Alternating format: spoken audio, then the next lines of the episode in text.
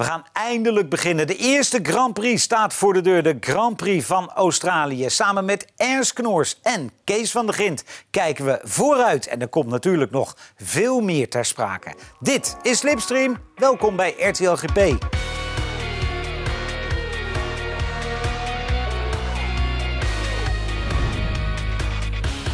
Ja, we beginnen met, jullie mogen het zeggen, het coronavirus of het schandaal Ferrari. Zeg het maar, Kees. Coronavirus. Beginnen Want de? Grand Prix schijnt door te gaan. Nee, de Grand Prix gaat door. Dat hebben de Australiërs gezegd. Er mag ook publiek bij. Eh het enige wat nog een beetje een Maar je hebt toch ook is... de laatste weken gezien. Er wordt veel gesproken. En niet alles wat gezegd wordt, wordt de waarheid. Ik hoop het, want we kijken er naar uit naar de eerste race.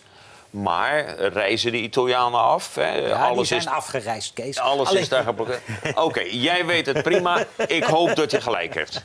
Nee, ik ga er namelijk vanuit. Australië gaat door, maar daarna is het nog wel even een, eh, een, een dingetje. Bahrein, eh, daar weet jij Nou, alles van. Bahrein gaat ook door. Ja, Bahrein gaat ook door, alleen er zit geen publiek. Laten we zo zeggen, je kan geen kaartjes kopen. Daarna is het verschil gelijk, want er zit nooit publiek. dus dat maakt ook niks uit. nee. En dan gaan we naar Vietnam. Maar ja, Vietnam, Ernst, heeft nou net een, eh, een inreisverbod voor Italianen ingesteld.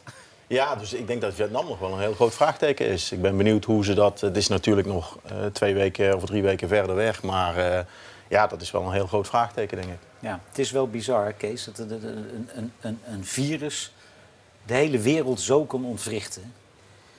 Nou, daarom ook begrijp ik het ook niet helemaal. Want aan de ene kant, eh, ik neem het heel ernstig. Maar aan de andere kant, nou, het zijn maar zoveel mensen. Ja, dus ik snap dat niet helemaal. Maar ik heb er ook niet voor geleerd. Nee. Goed, waar ik ook niet voor geleerd heb, is eh, software, is het, eh, het ontwerpen van een motor, is het schrijven van reglementen. Maar eh, is Ferrari nou legaal of illegaal? Oh, kijk je mij aan? Ik kijk jou aan, ja. Nou, Ferrari is illegaal. Eh, sorry. De handelswijze is illegaal, maar Ferrari is legaal. Leg uit. Nou ja, simpel. Ze zijn niet bestraft.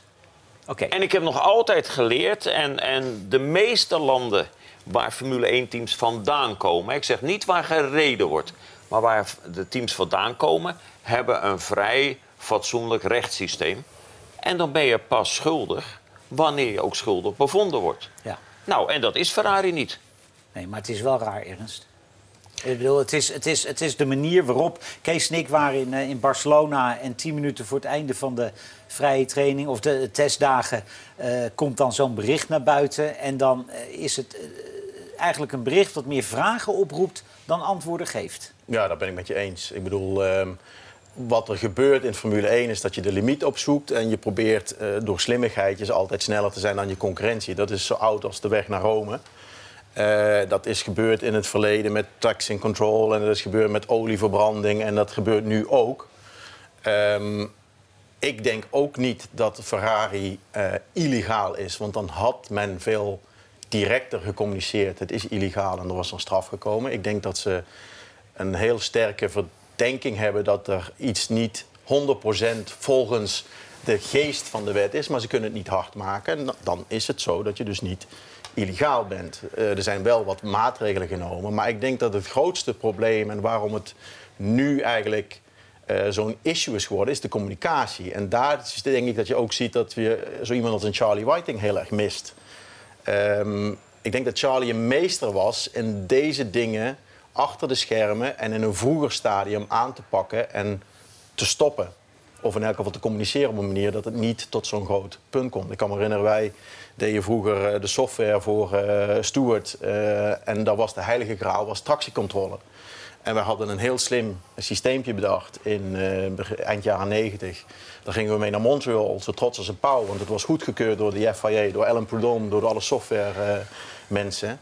Eh, we rijden de eerste vrije practice en het ding werkt fantastisch. Maar ja, die auto uit de hairpin knettert als een dolle. Dus echt het, het, het, het karakteristieke tractiecontrole, tractiecontrolegeluid. En Charlie Whiting komt na de eerste vrije training de garage in. En zegt, het maakt me niet uit wat je doet. Het maakt me niet uit hoe je het doet. Maar die auto maakt in de tweede vrije training niet meer dat geluid. Anders lig je eruit. Ja. Het was klaar. Maar Kees, hoe het Maar gaat- goed, ben je daar bij- dan zo blij mee? Ik bedoel, Dat is toch ook totale willekeur? We moeten nou niet... Ik bedoel, McLaren komt aan de start in Brazilië met uh, achterwielophang die meestuurt. En komt Charlie aan en zegt dat mag niet. Dat is toch totale willekeur? Het probleem zit hem bij de FIA. En dan moet ik zeggen, wat zou Charlie dan hier beter op gezegd hebben dan wat er nu gezegd is? Dat mag je mij dan ook uitleggen. Nou, ik denk dat hij eerder gecommuniceerd zou hebben met Ferrari eh, dat er een verdenking ligt, dat er een verdenking van de andere teams ligt en dat hij daar beter mee omgaat. Want het, het, hele issue komt van het feit dat er om tien voor zes op een vrijdagmiddag een bericht komt van ja, we hebben was, het in vertrouwen opgelost. Die dat was, die was nee, maar goed, dan, dan, komen we net, als we nou bij het voetballen bezig zijn... dan komen we in het proces terecht. want, want eh, dat ligt er natuurlijk helemaal niet. Het, het, het ligt al eh, ver achter ons wat, wat ze technisch gedaan hebben. En nu komt er dan dat het persbericht tien minuten voor het einde van de laatste training in Barcelona gegeven is, waar geen duidelijke uitslag. Er is niet gezegd ze zijn illegaal of ze zijn legaal. Het is een beetje met de mantel der liefde bedekt. Waarschijnlijk omdat het Ferrari is. Hè? Dat, dat kan, ik geloof. En er zijn ook wel voorbeelden van uit het verleden. Dat kleinere, minder belangrijkere teams, die worden wel aangepakt. Hè? En hier niet. Nou ja, ik kan me daar ook. Ik vind het niet goed, totaal niet. Maar ik kan me daar ook wel een klein beetje eh, wat bij voorstellen. Stel je eens voor dat je moet zeggen: Ferrari komt niet aan de start in Australië. Het is nu dankzij of vanwege corona al een hele issue. Ja. Maar eh, eh, ik, ik, heb meer ook problemen met die andere zeven. Die nou zo'n, dus in die tien minuten dan zo'n grote mond. Laten ze dan een protest indienen. Ja. ja. Maar dat, dat zeggen we ook. Ik, ik, denk niet dat ze het hard kunnen maken dat ze buiten de regels uh, hebben. Ja, maar dan moet je ook niet verder zeuren. Het, het, spijt me. Het wordt nou, het, en daarom zeg ik ook, het is nou al niet meer wat ze gedaan hebben, maar het proces. Het lijkt er nergens op. Hè, hoe, hoe, of, uh, hoe de FIA uh, communiceert. er komen weer alle oude uh, synoniemen voor de FIA tevoorschijn. Ja, dat is allemaal verleden tijd. Dan moeten die zeven gewoon zeggen... Pats, dat jongens, is het dat is het. Hier is het we accepteren dat niet. En zo en zo. En Mercedes zegt dan nu, ja, nu zijn we het wel eens met die andere zes. Maar in de toekomst gaan we toch weer onze eigen weg. Ja, nou was slap geklets allemaal. Jongens, waar eindigt is? Uh, houdt Binotto zijn baan? Uh, staat Jean Tot? Ja, die gaat uiteindelijk volgend jaar is hij, is hij toch president af. Maar gaat dit nog uh, jullie baan? Nou, wat ik, wel, wat, wat, wat, ik wel, wat ik wel interessant vind. en Helmut Marco van, van Red Bull, die spreekt dat is, eh, ik ben niet altijd met hem eens wat hij zegt, maar hij spreekt wel. En hij heeft een mening. En hij uh, heeft recentelijk gezegd, en dan zeg ik er nu even bij... dat is niet de eerste keer dat dat geventileerd Ja, het lijkt toch wel heel veel op voetballen. En dan in dit geval op de FIFA. Ja, ja Helmut Marco zegt ook...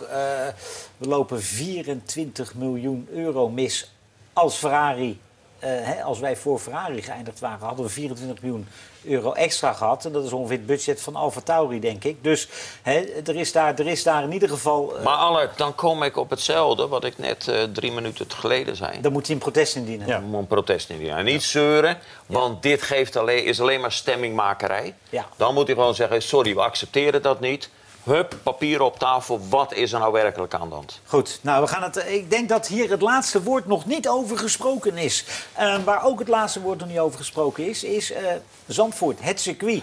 Max Verstappen reed de eerste rondes met een oké, wat oude Formule 1-auto. En hij vond het mooi. Het was altijd al heel leuk om te rijden, maar ik moet zeggen, met de nieuwe verandering over eigenlijk het hele circuit bijna. Um, ja, maakt het toch nog wat extra specialer ook dat je weet dat nu de Grand Prix echt wel eraan komt. Um, en dan vooral bocht 3 in de laatste bocht. Uh, ja. Bocht 3, uh, hoe is het met zicht?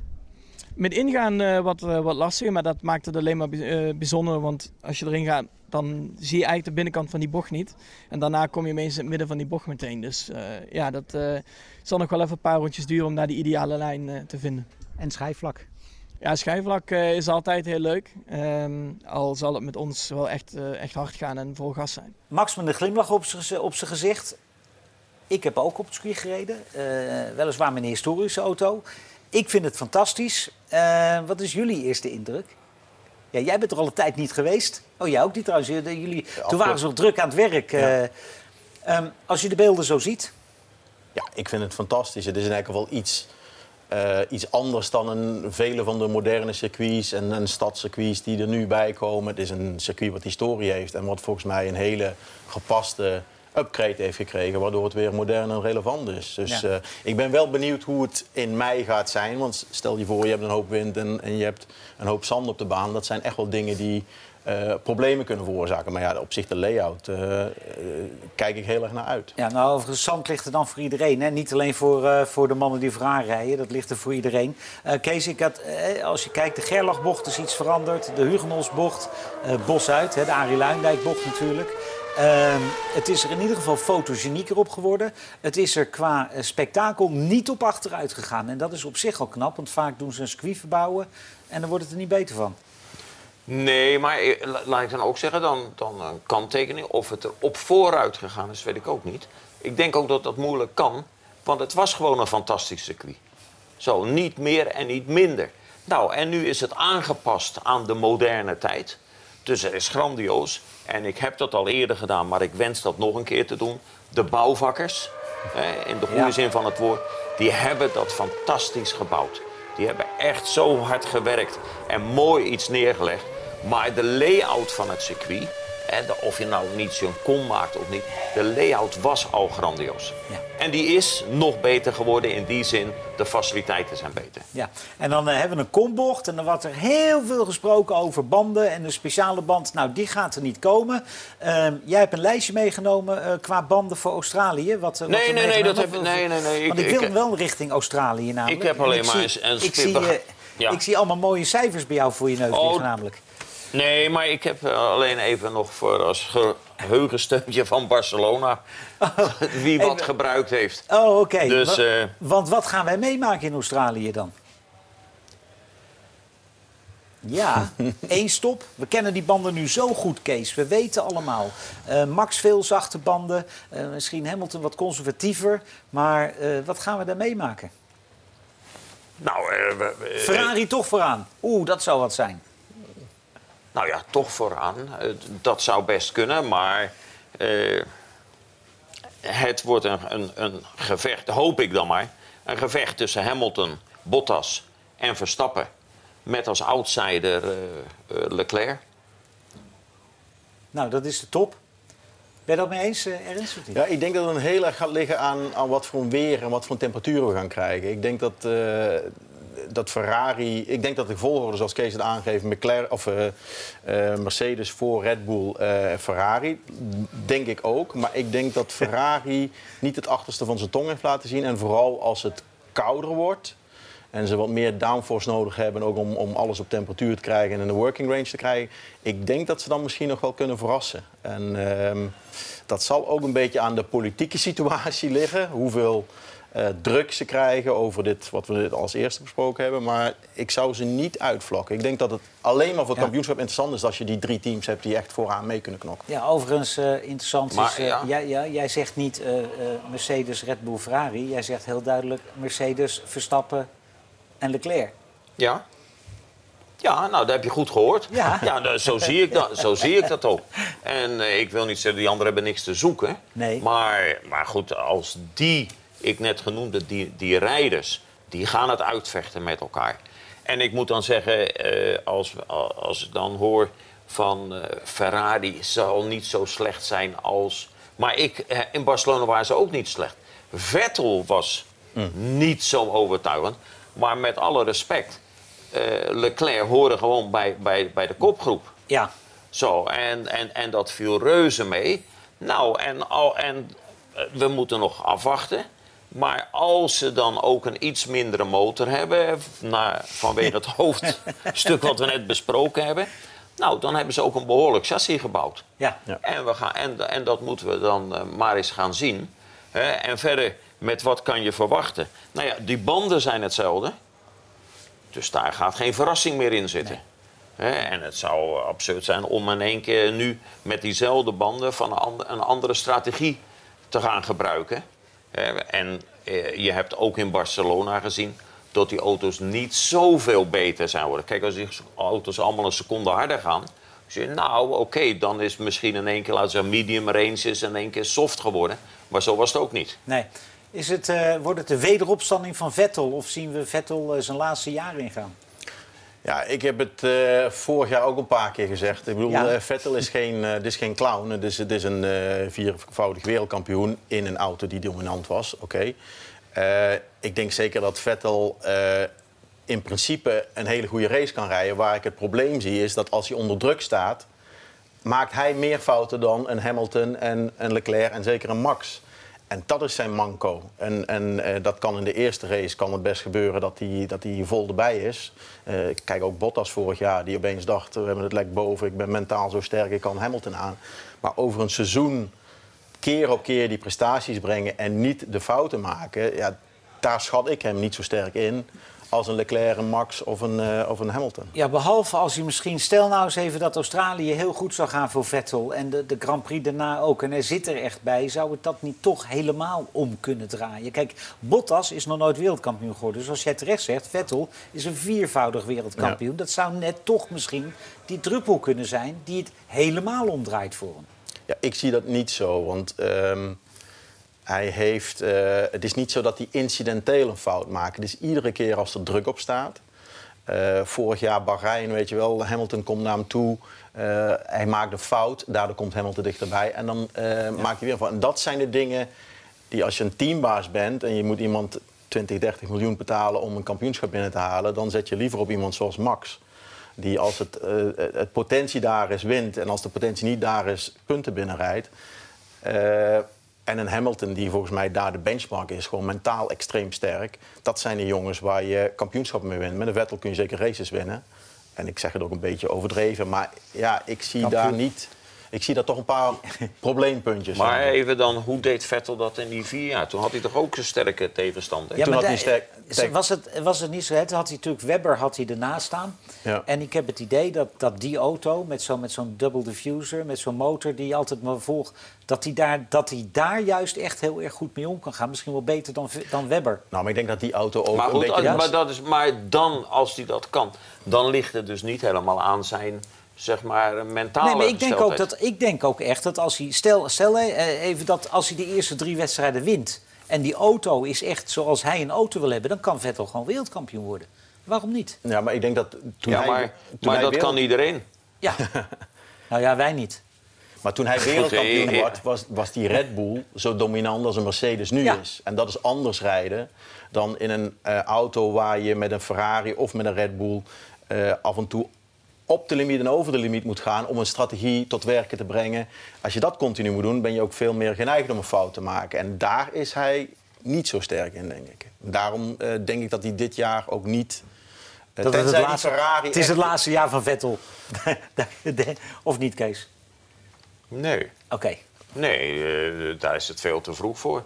Om dat te zeggen. Kijk, al- als ik geld in zou moeten zetten, dat doe ik niet. Maar in zou moeten zetten, zou ik ook niet eh, als eerste op Vettel zetten. Maar om nou gelijk al dan weer te zeggen, het is nog geen meter gereden. En dan zou die Nee, al afgeschreven bovendien, bovendien is het altijd nog zo, hè, vind ik, als je mensen afschrijft. eh, wie dan? Hè, wie moet je dan Nou ja, in die auto het is ook zetten? Wie ik kan- Vettel afschrijf. Nee. Jij, jij vraagt wie denk je dat er om een kampioenschap rijdt. Ja. Maar ik zie ook niet hoe Vettel zich na zo'n lange tijd in zijn carrière nog een keer zo gaat verbeteren. Dat komt als er iets minder druk op staat. Dat komt van het team, dat komt ook van je auto. Als je auto goed is, is het makkelijker. Maar ik zie niet waar hij uit zichzelf ehm, die verbetering... rijden. eh, Maar goed, laten we het toch, eh, hoop ik, mee eens zijn dat welke rijder je ook neemt. En hij extreem afhankelijk is van zijn auto. Absoluut.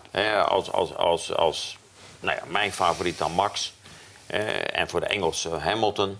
Maar als die niet in een auto zitten die zijn naaste concurrent bij kan houden.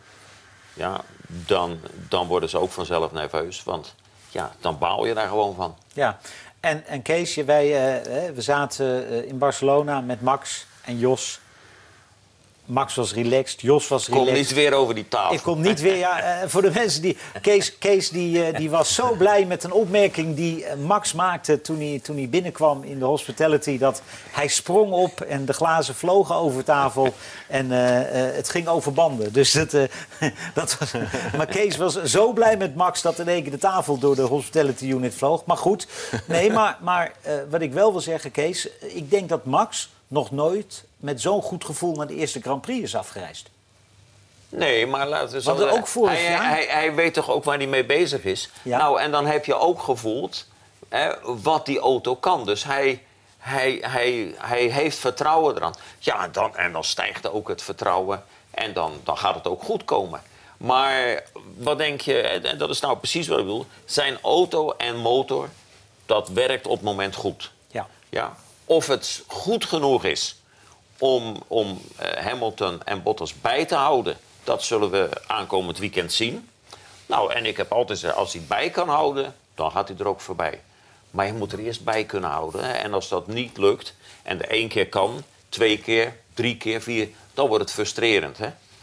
En ik denk dan ook, om even op Vettel terug te komen... Hè, dan kun je ook zeggen, ja, de man is, heeft al zo lang gereden. Maar als jij gewend bent geweest om te winnen...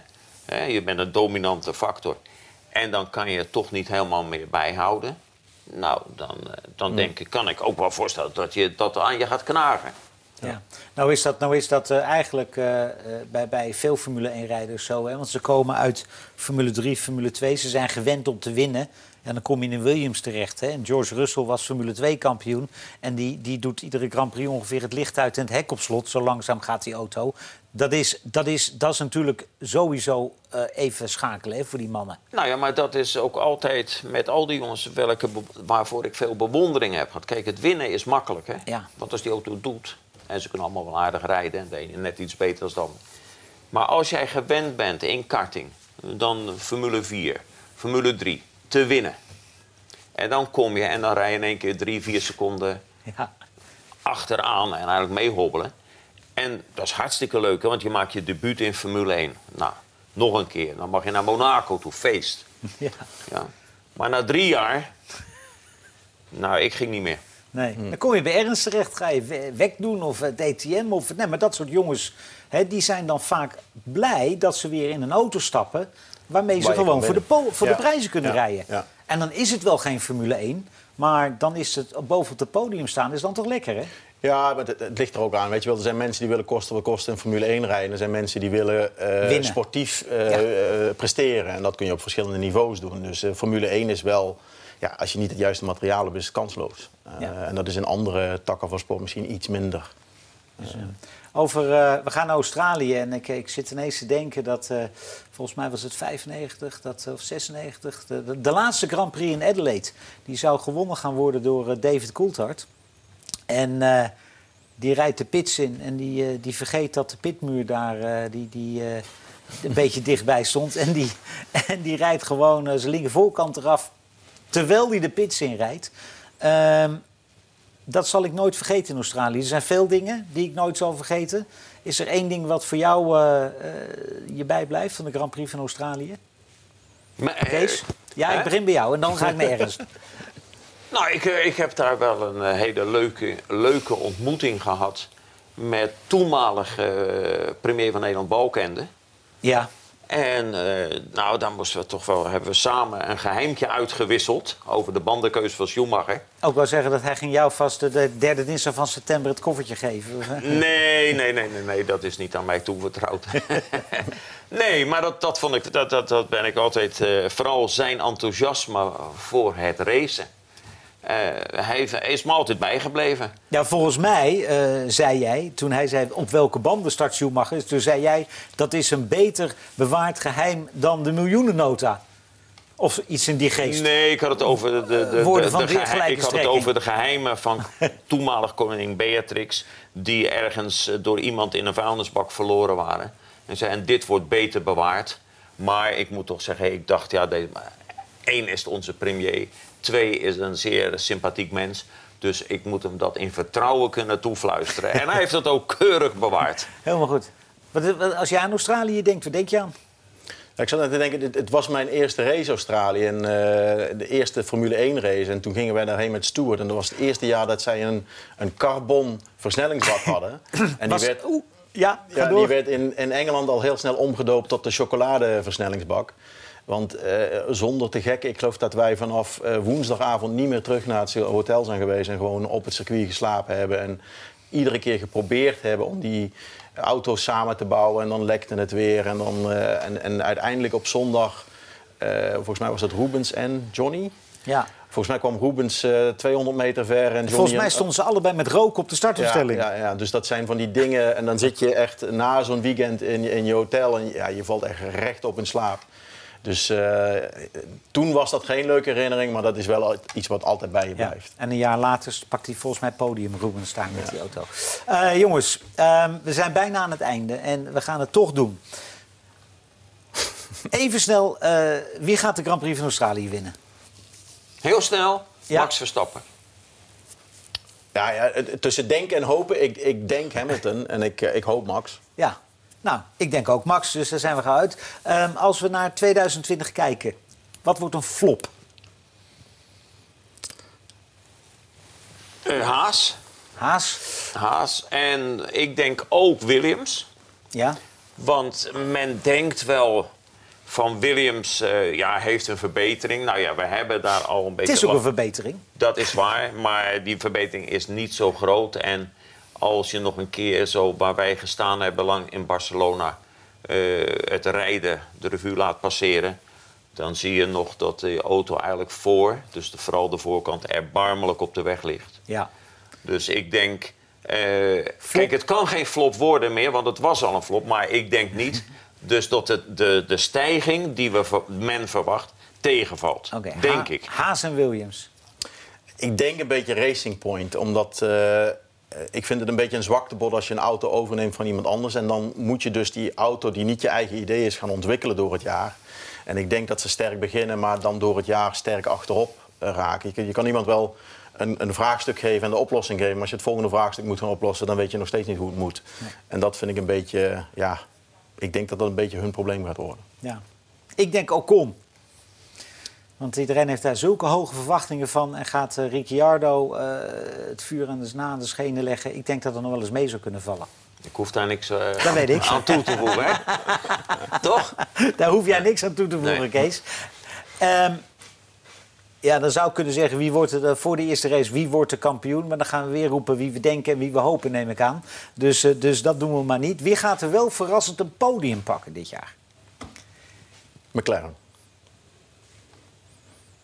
Nou ja, als ik ernst moet horen, dan is dat een verrassing. Maar ik denk sowieso PRS en misschien ook nog wel Stroll. Oké, Perez en Stroll. Ja, ik denk eh, podium. En, ik, heb, ik heb de weddenschap al staan. Maar ik stel dat dan bij, hè, dat het nu een verrassing is voor Ja, ja. ja. Want ik denk dat dat... Ja. Nou ja, ik heb de weddenschap met Frans Toosel weer gedaan. Want de verrassing wordt dat ze bij Alfa Tauri een dubbel podium halen dit jaar. Oh, dus eh, ik ben bang dat me dat weer een fles wijn gaat kosten. Maar goed, dat... eh, ehm, Maar we moeten dan ook een beetje kijken natuurlijk eh, op eigen kracht. Hè? Mm. En, en dan zal het toch ook dit jaar weer heel moeilijk worden voor eh hoe Alles dat, buiten B-teams. Of, of, ja. eh, te- buiten die top drie teams zal het heel moeilijk worden op eigen kracht op het podium te komen. Denk ik. Jongens, dank jullie wel. We gaan genieten van de Grand Prix van Australië. Natuurlijk zijn wij er volgende week weer. Dan kijken we terug op de Grand Prix van Australië. En een nieuwtje, vanaf deze week zijn we ook via een podcast te beluisteren. En natuurlijk zijn we te volgen via alle social media kanalen. Tot de volgende keer.